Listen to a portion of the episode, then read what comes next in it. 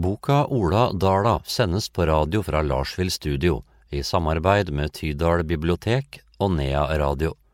Produsent Lars Lien. Musikk Andreas Aase. Den historiske romanen blir lest av forfatteren Odd Håvard Morseth.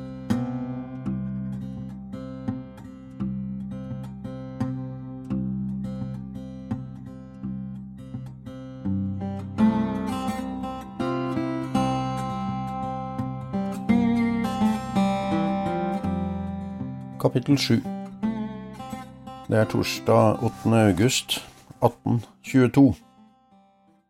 Mørsjødalen. Det hadde gått noen dager etter auksjonen. Alle i bygda har vært opptatt med berging av høy fra herser og breer. Så snart høyet på innmarka var i hus, gikk turen for åndefolket til Ljåslåtten ute i marka. Markaslåtten var like viktig for gårdene som å høste innmark, de fleste kunne knapt fø halve buskapen på avlingene fra dyrket jord. Det hadde vært en kamp om slåtteteigene ute i kongens allmenning. Langt fra alle hadde brydd seg om å kjøpe teigene opp mot fjellet. Fogd og lensmann hadde med årene engasjert seg og registrert og taksert teigene i marklag slik at det kunne kreves skatt for slåtten. Mange gårder fikk etter hvert oppmålte arealer å forholde seg til, mye krangel naboer imellom stilnet. Mystmeien satt fortsatt i oss en del av bøndene. Noen mente seg urettferdig behandlet. Det verste var kanskje om naboen hadde fått tildelt for store eller for gode teiger. Matrikkelføringen førte med seg skattlegging. Futen sørget for at kongen kunne få betalt for høysåtene som ble satt opp ute på myrer og mellom bjørkelegger inne under høgfjellet. På Dala fulgte det store og frodige slåttemarker med bykselseddelen. Slik var de heldige på Stugedalsgårdene. De beste områdene var ryddet for skog og vegetasjon. På de slåttekåsene gikk Johan lett. Da Røros kobberverk ble etablert for snart 200 år siden, var den største investoren, eller partisipanten, adelsmannen Joakim Irgens. I ren takknemlighet pantsatte kong Fredrik 3. sitt store kirkegods i Nord-Norge til Irgens. I København var kongens kiste like tom som hos sin erkefiende i Stockholm. Kriger og rustning til nye kriger tæret stadig på statskassen. Til tross for alle lure knep gikk det etter hvert dårlig med Irgens sin virksomhet i Norge, og etter at Irgens døde på sitt gods i Holland, måtte enken Katarina von Westervig selge de enorme eiendommene eh, i Trøndelag og Nord-Norge. Brødrene Angel sto parat for en handel. De tyske brødrene drev handelshus i Trondheim og hadde fra før tilegnet seg store skogseiendommer i Trøndelag. Etter eh, brorens død løste den barnløse Thomas Angel inn alle eiendommene i boet. Han ble største partisipant i kobberverket, eide store skogsarealer i Trøndelag og var stor væreier oppover langs kysten av Nord-Norge. Thomas var ugift og drev handelshuset i byen videre helt fram til sin død. Med boet fulgte også eiendommen Stuedal, en arv etter fetteren Christian Angel, som døde bare 29 år gammel. Han var hyttskriver for smelthytta på Eide i Åren og kjøpte de to gårdene like før sin død. Ola spurte far om det her, om hva han hadde tenkt å bruke gårdene til, og hvorfor han som holdt til i Åren, kom over fjellet og hit. Far hadde ledd av han da, løftet på lua og pekt utover sjøen og fjellene. Kan du ikke se det, gutt? Det her er den vakreste plassen på jord. Før Thomas Angel døde, opprettet han i 1762 ved testamentet en stiftelse. En stiftelse far Peder i sin tid signerte bykselbrev med. Auksjonen på gården førte ikke med seg noen endringer. Ola hadde ingen avtale om videre drift på gården. Det var forstander Klingenberg som hadde oppsynet med stiftelsen sine eiendommer, en myndig kar som kunne utøve makt bak alle krav. Det gikk rykter om at han hadde startet sin egen handel med trelast ved siden av forvaltningen av de angelske skogene. Det var en slitsom sommer. De var altfor få på gården, og når det nå gikk mot høst var det enda mer å gjøre. Inne på Setervollen i Mørsedal hadde alle kyrne kalvet. Det var mye melk å ta hånd om, smør som måtte kjernes og ost som måtte ystes, mye smør måtte kokes. Det var godt at dagene fortsatt var lange og lyse. Lars på Stuggevollen hadde allerede ved auksjonen sagt til Ola at han skulle holde dyrene inne i Mørsadalen ut sommeren. Hans og Sissel på Flaten hadde kommet noen dager etter at far var begravet, og foreslått at de kunne ta dyrene på gården inn på vollen i Mørsadalen. De manglet seter på Nybrotteflaten. Slik var det at Sissel regjerte med dyrene fra begge gårdene på setra denne sommeren. Det var nesten som da Ola var liten. Da hadde de to familiene delt hushold på Dala.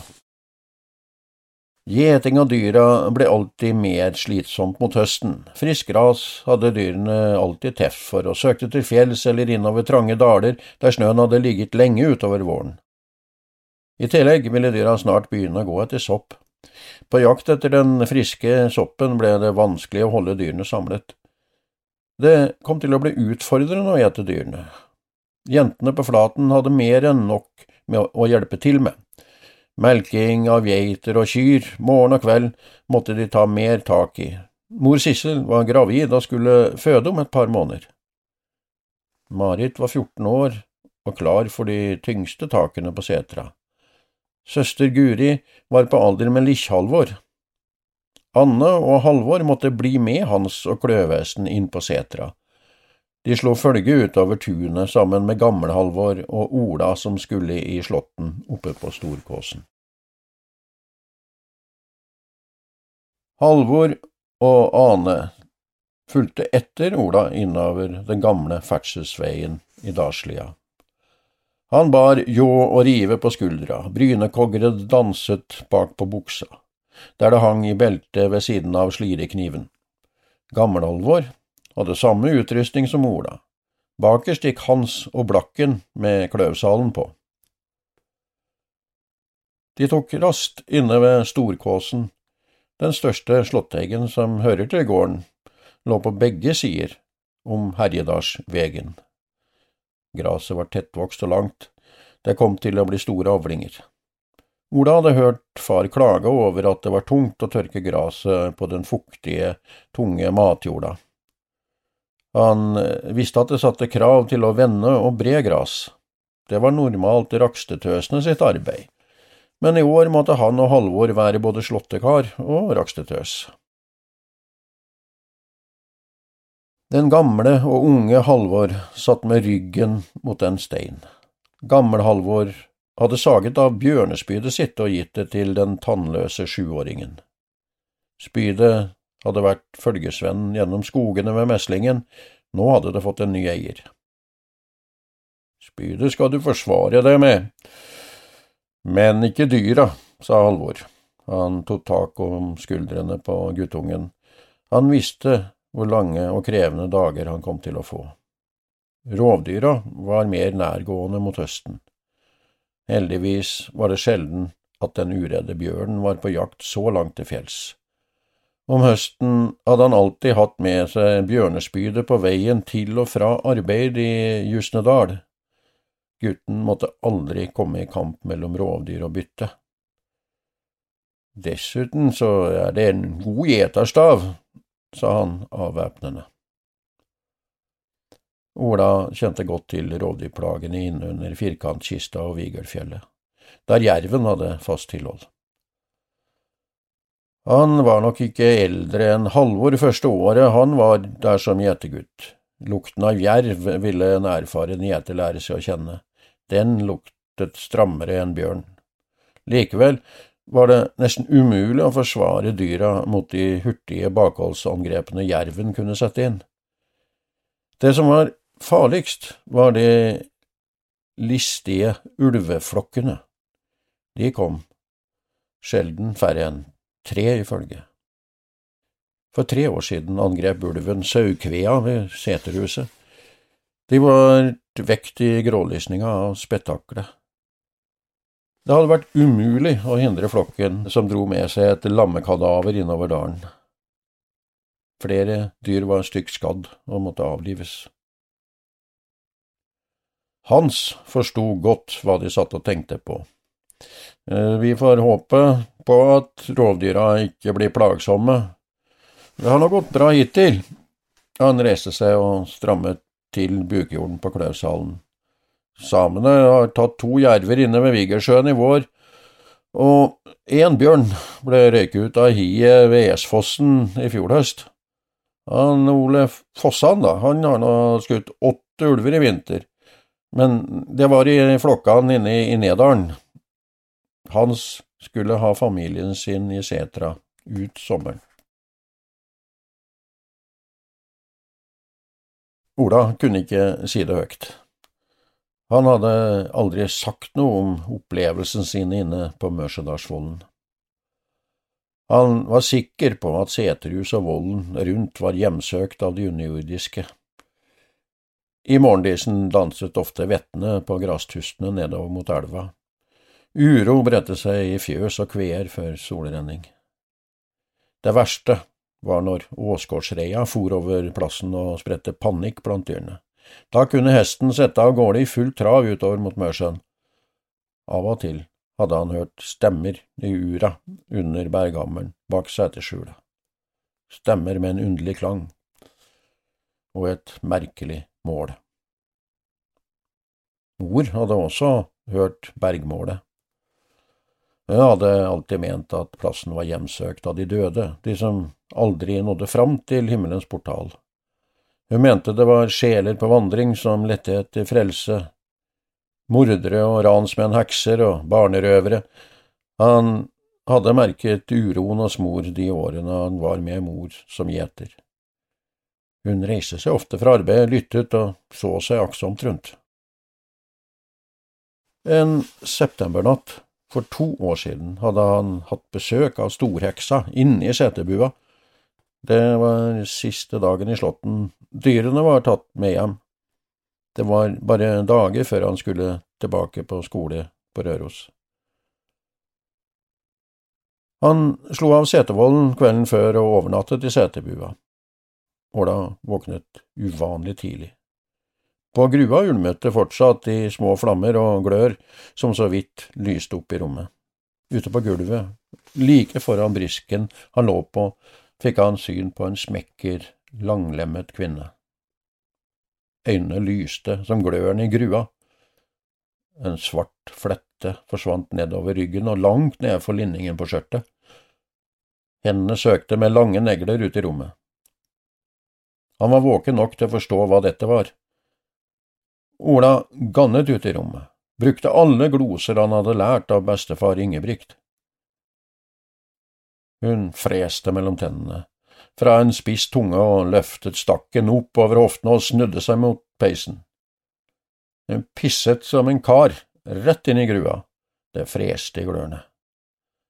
Det siste han så før hun forsvant ut gjennom gluggen i veggen, var den lange svansen som slo mot tømmerveggen før den forsvant under stakken.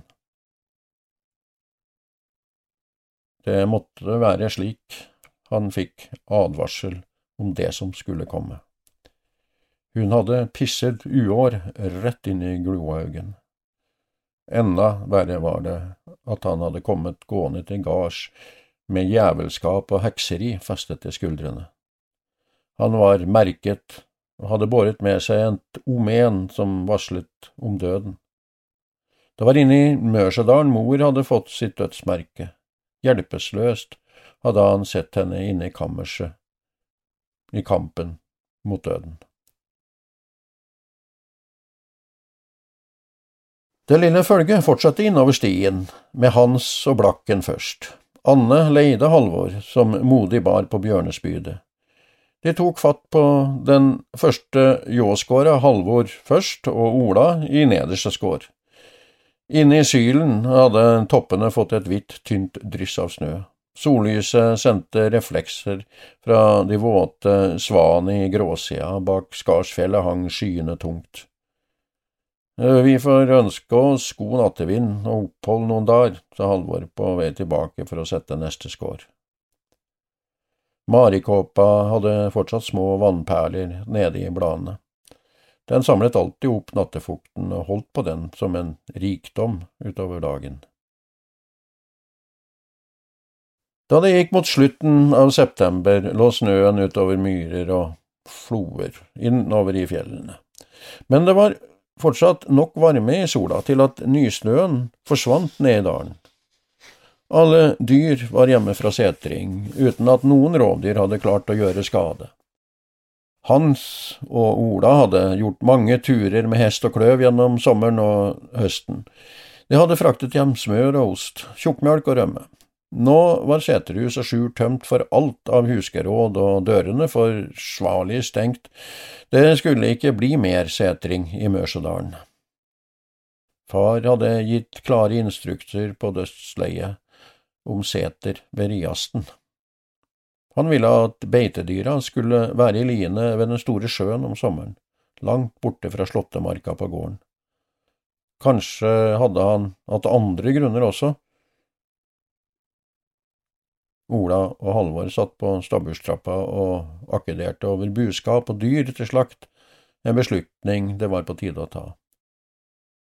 De hadde nettopp slaktet en fjorårsokse, grovpartert den, og nå hang den inne i stabburet. De måtte redusere på besetningen før innsett i fjøsene utpå høsten. Ola la fram tanker om å selge livdyr, å slakte ned gode avlsdyr ga liksom ingen mening. Alvor skar opp oksehjertet, åpnet kamrene og slapp de ned i vannet i innmatbøtta og kikket skrått på Ola med et skjevt smil. Du får by fram for salg. Det var da mange nok som ville kjøpe dyr her i sommer. Ola tørket av kniven etter vasken i bekken og nikket. Det er to gode kviger borti trøa, og stjerna var med første kalven i vår. De tre er nok med kalv nå.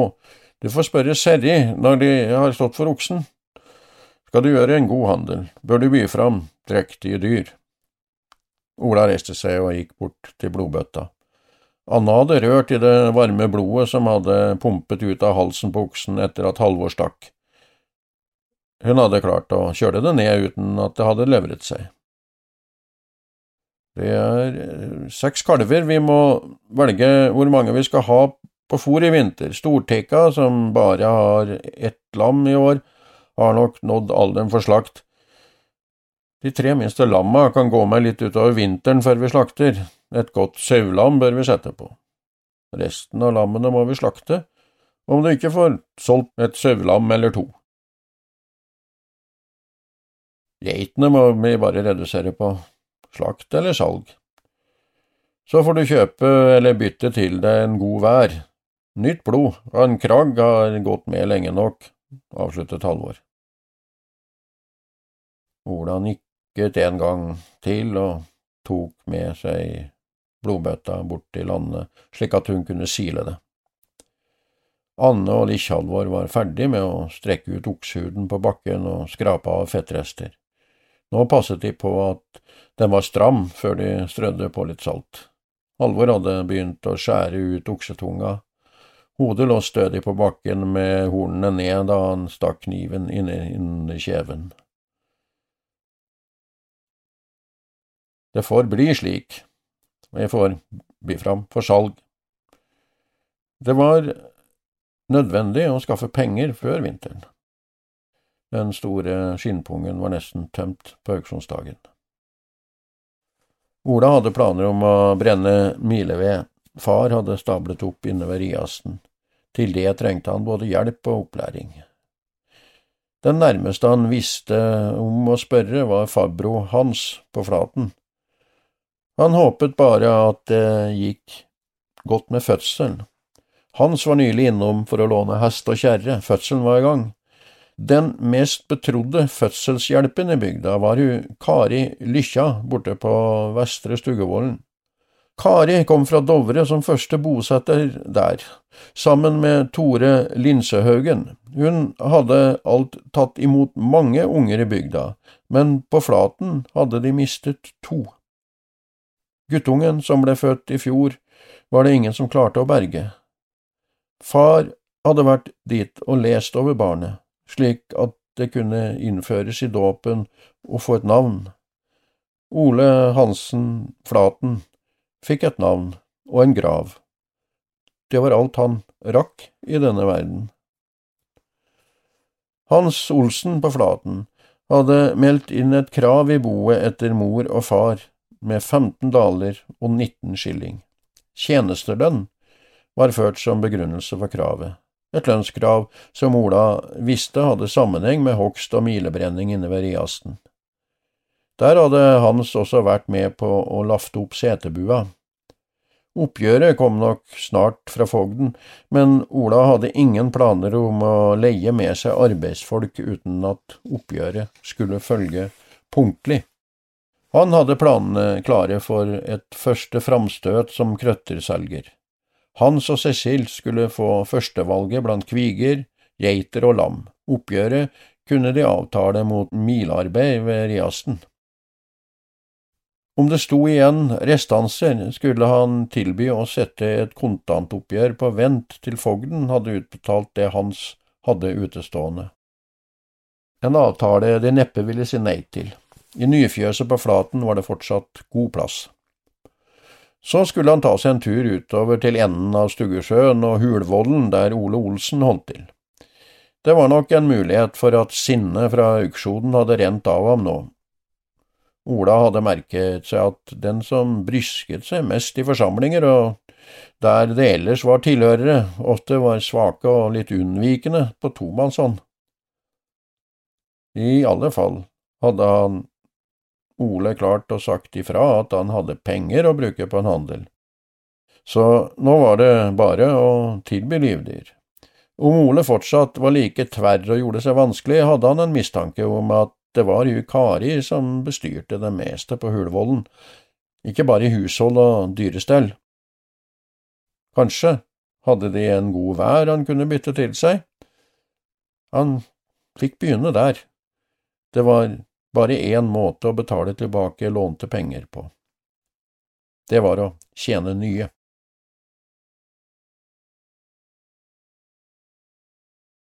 Hjemreise Torsdag 17. april 1862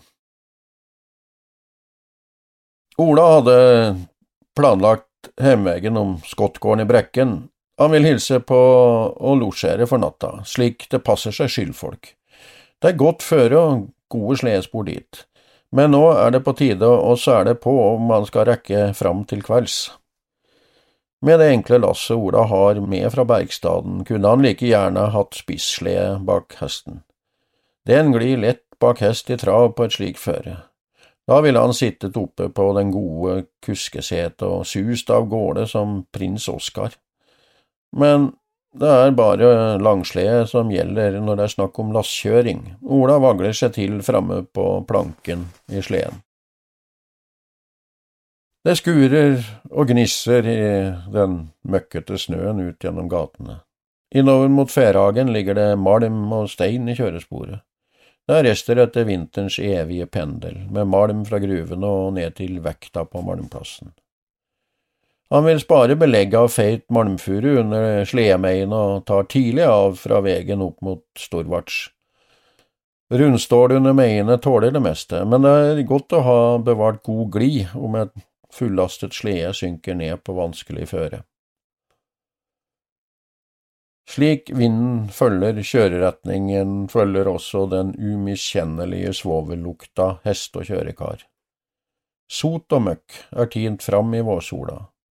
Tung røyk fra smeltehytta har satt sine grimete spor langt innover vidda.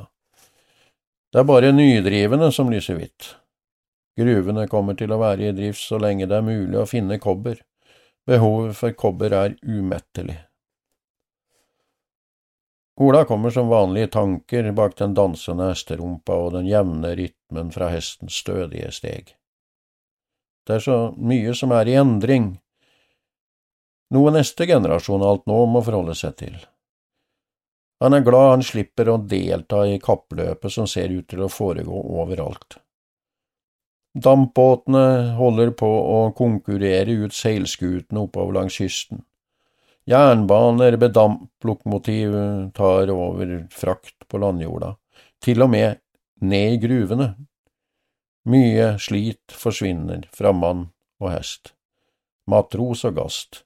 Mye er til det gode, men travelhet og penger ser ut til å være drivkraften bak det meste.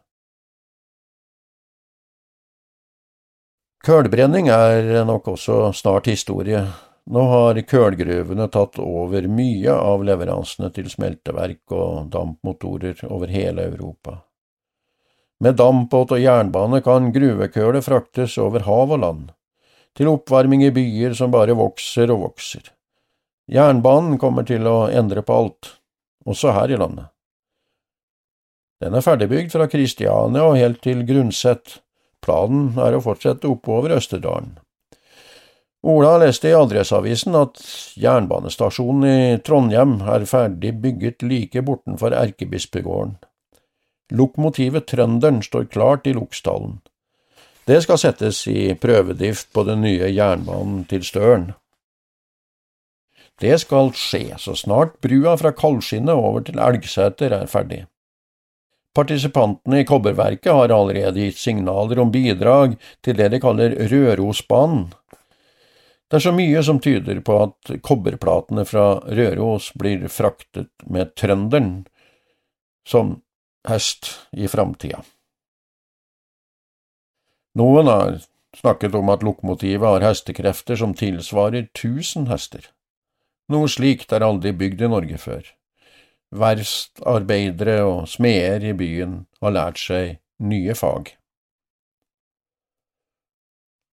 Sola er framme mellom drivende skyer i Hitterdalen og varmer gjennom frakkeryggen. Ola konstaterer at det er vår i lufta. Tankene vandrer på vei inn fra Tamneset. Det å være enkemann er en påminnelse om levd liv, om en tid som er over. Han har alltid holdt tankene til arbeid. Nye dager har kommet med nye krav i et årlig syklus. I det hele tatt er det mange minner som er blitt liggende igjen på kistebunnen. Dagene har forsvunnet som spor bak sleden i snøfokk, slik livet må leves på de nakne fjellviddene. Alltid rettet mot nye oppgaver. Han har ikke alltid vært velkommen i bygdene rundt Aursund, men alt endret seg med årene. Han tar ut over isen på Aursund. Hesten går i jevnt trav opp mot Tamneslandet. Ola sitter med tollekniven og sneier av noen tynne skiver med tørka kjøtt. Tømmene ligger løst kveilet i fanget. Snart svinger hesten kjent inn i det lukkede tunet i skottgården. Ola trenger knapt å styre hesten. Den store, svarte hesten stopper ved stallbygget.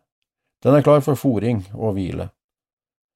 Husene på gården har vokst i størrelse og antall gjennom mange år. Trafikken mellom Røros og Herjedalen gir et godt tilskudd til gårdsdrifta. Gjennom vintrene har sjøen og myren innover i grensetraktene vært gode ferdselsårer.